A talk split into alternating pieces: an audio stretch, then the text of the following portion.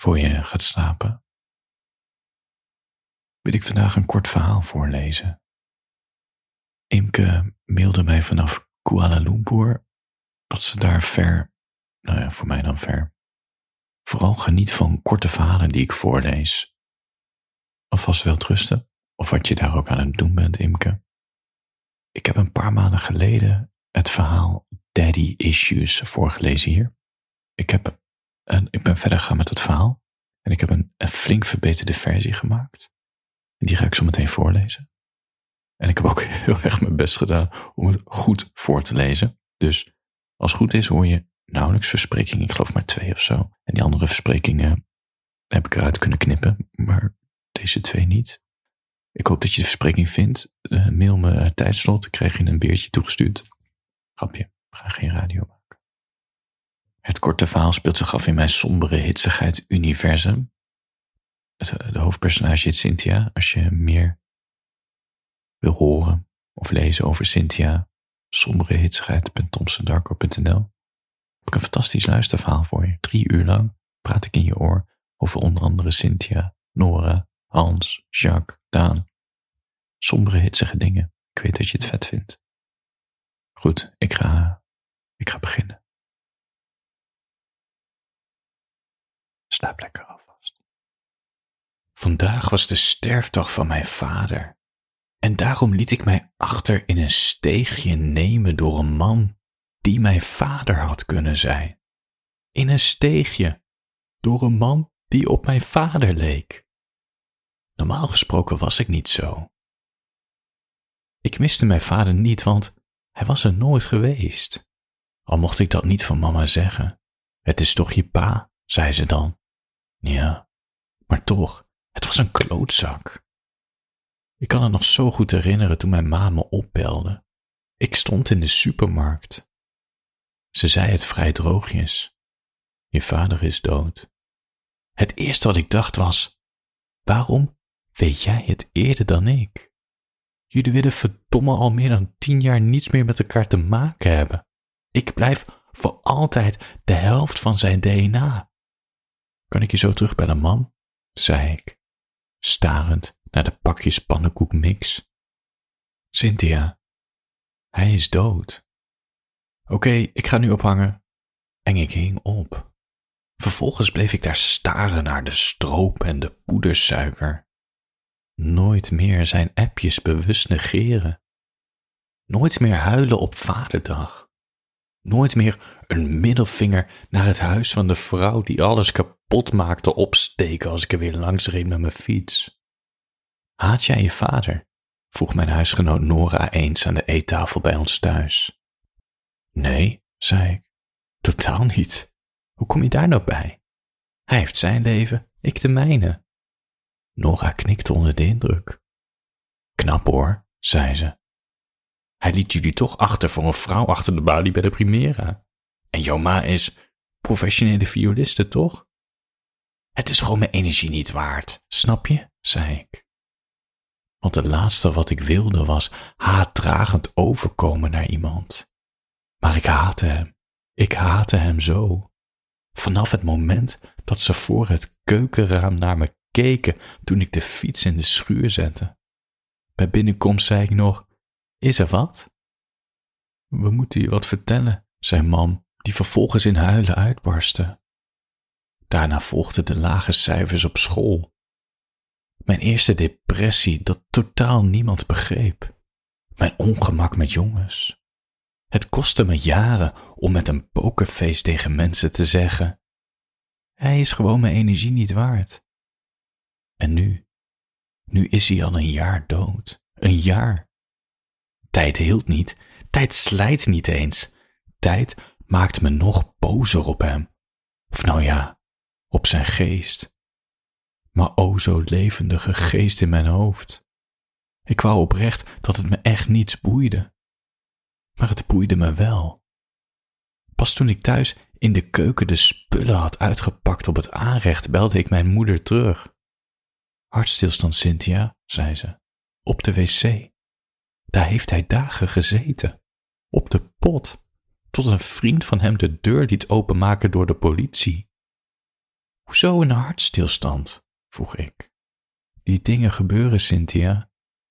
En waar was die trut dan? Ze hadden een relatiepauze. Heeft hij geleden? vroeg ik.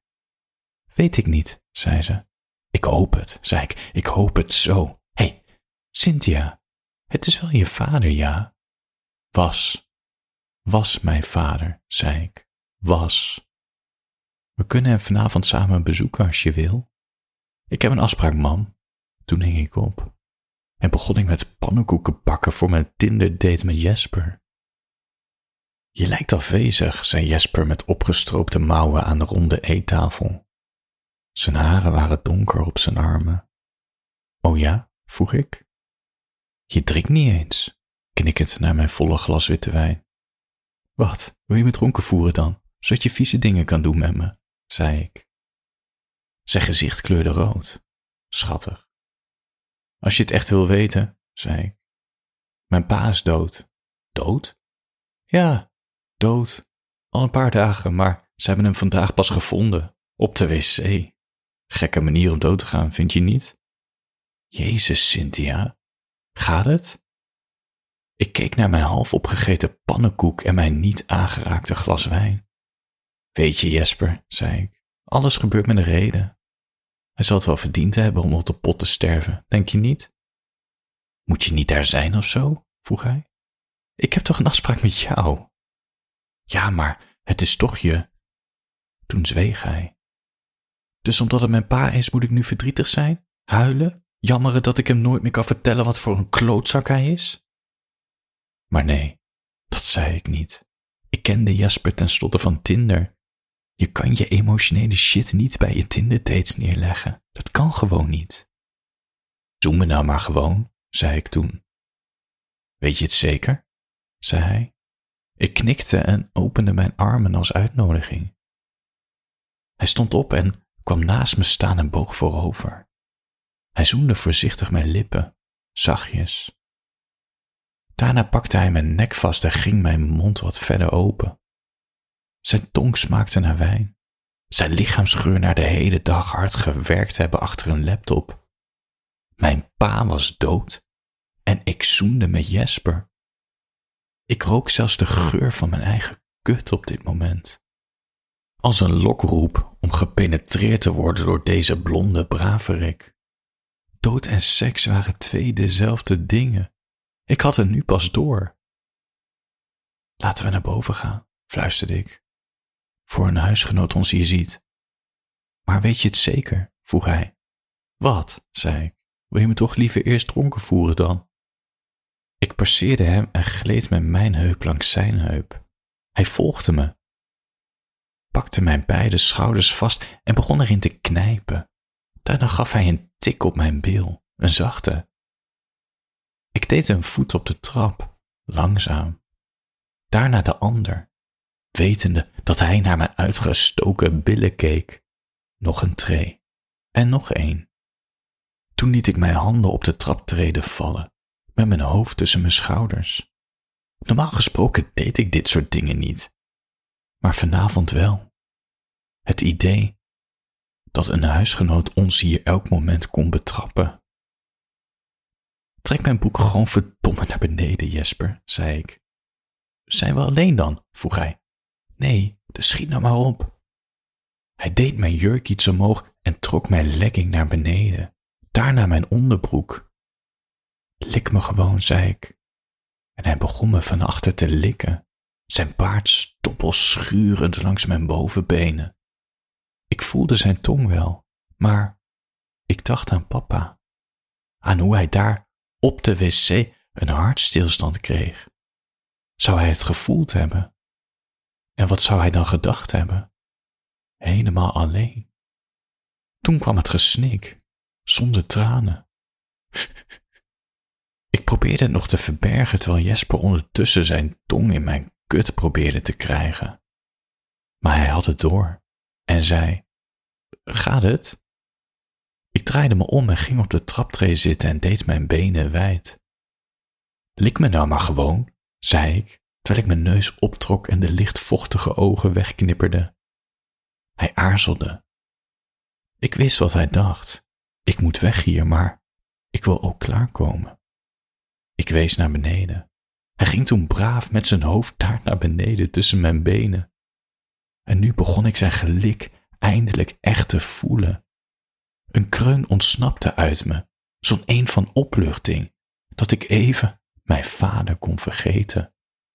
Oh, met mijn ogen dicht ging mijn gekreun over in zwaar hijgen, in lichte krijsen.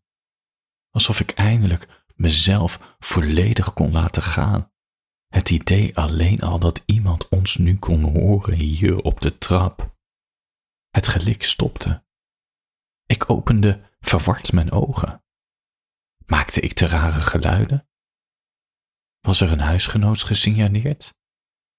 Jesper keek me heel streng aan, terwijl alles rondom zijn lippen vochtig was.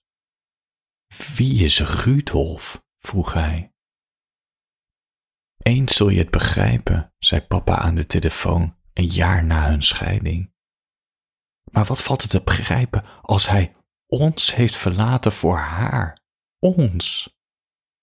Het meest erge was dat ik de enige persoon in ons gezin was die er echt last van had. Ma huilde niet. Ma schreeuwde niet eens. Ze sprak geen kwaad woord over hem. Het enige wat ze deed was door het huis sloffen met zo'n staarblik. Mijn broer vond het allemaal wel best. Als ik aan hem vroeg, doet het je dan niks? zei hij, twee keer kerst vieren. Kom op, neem het er gewoon van. Misschien haatte ik mijn pa daarom des te meer. Dat hij mijn ma in een zombie liet veranderen en dat hij liet zien dat mijn broer echt totaal geen gevoelens had. En nu was hij een jaar dood. Een jaar. Ik kwam er pas achter toen ik op de bushalte zat te wachten in de buurt van stadion Galgenwaard om naar huis te gaan. Ik voelde me de hele dag al meh. Kijkend op mijn telefoon zag ik de datum. Nu snapte ik het. Alsof mijn lijf het eerder wist dan mijn bewustzijn. In de bus staarde ik naar buiten en ik voelde me onrustig worden. Toen de bus een straatje inreed waar ik eettenten en kroegen zag, drukte ik op de rode knop. Ik had zo'n verlangen naar alcohol, juist nu. Ik wandelde naar de eerste de beste kroeg toe waar ik nog nooit was geweest. Tot mijn verbazing was er nog best druk hier binnen voor een namiddag. Vooral mannen met het dubbele van mijn leeftijd die naar me staarden. Ik ging aan de bar zitten en bestelde een droge witte wijn. Twee barkrukken verder zat een man glazig voor zich uit te staren. Hij had zijn jas nog aan. Ik herkende de blik in zijn ogen. Dit was mama's zombieblik. Ik stond op en ging naast hem zitten en zette mijn wijn op een bierveeltje neer. Je kijkt bedroefd, zei ik. Hij snifte, bestudeerde mijn gezicht en zei toen: Jij ook. Mijn pa is een jaar geleden overleden, zei ik, op deze dag. Goh, zei hij. Michel? Niet echt. Toch voel ik me raar vandaag. Het is toch je pa? Hij bromde en zei toen: Je hoofd is geprogrammeerd in deze materialistische wereld. Alles is aan te raken, alles is er. En als je iets niet meer ziet, moet je beter zoeken. Iets wat opeens verdwenen is, dat snapt ons hoofd niet. Want materiaal kan niet verdwijnen. Daarom is de dood zo raar. Omdat iets er dan echt niet meer is. Een mens is meer dan een materialistisch lichaam. Begrijp je? Ik knikte. Er voelde een gek soort warmte in mijn buik en bij mijn hart. Zijn treurige ogen, zijn rokersstem. Zijn blik bleef zelfs dof toen ik naar hem glimlachte. Ik haat hem nog steeds, zei ik. Waarom? zei hij. Gewoon. De scheiding, zijn houding, gezeik met geld, een andere vrouw, tig redenen om hem te haten, snap je? Hij knikte. Ik verwachtte een nieuwe wijsheid, maar hij zweeg, starend naar de bubbeltjes in zijn bierglas. Rook je? vroeg hij tenslotte. Ik haalde mijn schouders op. Het is een goede dag om te roken, denk ik, zei ik. Hij knikte naar de deur. Ik knikte bevestigend. Hij stond op van zijn kruk en deed zijn jas recht. Hoe heette je pa? vroeg hij. Rudolf, zei ik. Wat toevallig. Zo heet ik ook. Toeval bestaat niet, zei ik. Het had zo moeten zijn dat we elkaar. Daar stonden we dan, voor het raam van de kroeg, te roken. Rudolf en ik, in de regen. Waarom denk jij eigenlijk dat ik mijn pa nog haat? vroeg ik. Oh, dat is makkelijk, zei hij. De scheiding liet je beseffen dat andere mensen over je gevoelens gaan en je er nul controle op hebt. Ik voelde het weer, zo'n warmte in mijn buik en bij mijn hart, maar nu ook tussen de benen een kloppend gevoel. Al je woede en haat is gericht op je pa, maar het gaat niet over hem. Het gaat over jou, zei hij. Je wil maar niet inzien dat mensen voor hun eigen geluk kunnen en mogen kiezen, ook al gaat het ten koste van andermans levensvreugde. Dat is een harde les van het leven. Je maakt me bedroefd, zei ik met tranen in mijn ogen. Hij gooide het kontje van de sigaret op de grond en stak een nieuwe op en borg zijn pakje in zijn broekzak. Ik drukte mijn sigaret uit in een asbak die op de vensterbank stond. Waarom ben jij eigenlijk zo verdrietig? vroeg ik. Hij haalde zijn schouders op. Dat besef dat ze nooit meer van me gaat houden, zei hij. Ik knikte. Hij knikte. Ik pakte zijn hand vast en wreef erover met mijn duim. Wat stom, Rudolf, zei ik. Wat stom. Ik gaf zijn hand kusjes en legde het tegen mijn wang aan. Zijn hand gloeide. Voor ik het wist, zoende ik hem op de mond. Een klein kusje. Hij twijfelde. Ik merkte het aan zijn lijf. Ik gaf hem nog een zoen. Daarna zoende hij terug. Er is een steeg, fluisterde ik toen. Hij knikte. Ik pakte zijn hand vast en trok hem naar de steeg toe. Normaal gesproken was ik niet zo. Daar zoenden we tegen de muur verder. Hij was wild. Met open mond likte hij mijn wangen en lippen af, dook in mijn nek, zoog aan mijn oorlel. O Rudolf, hijgde ik, neem me, neem me alsjeblieft. O Henrike, ja, graag. Ik deed zijn riem los, ontknoopte zijn broek. Vervolgens deed ik mijn eigen broek naar beneden, draaide me om, boog het voorover en deed mijn string opzij. Kom maar, zei ik. En hij kwam in me, voorzichtig. Toen begon hij snel te bewegen, met zijn alcohol en rookadem in mijn neus. O Rudolf, zei ik.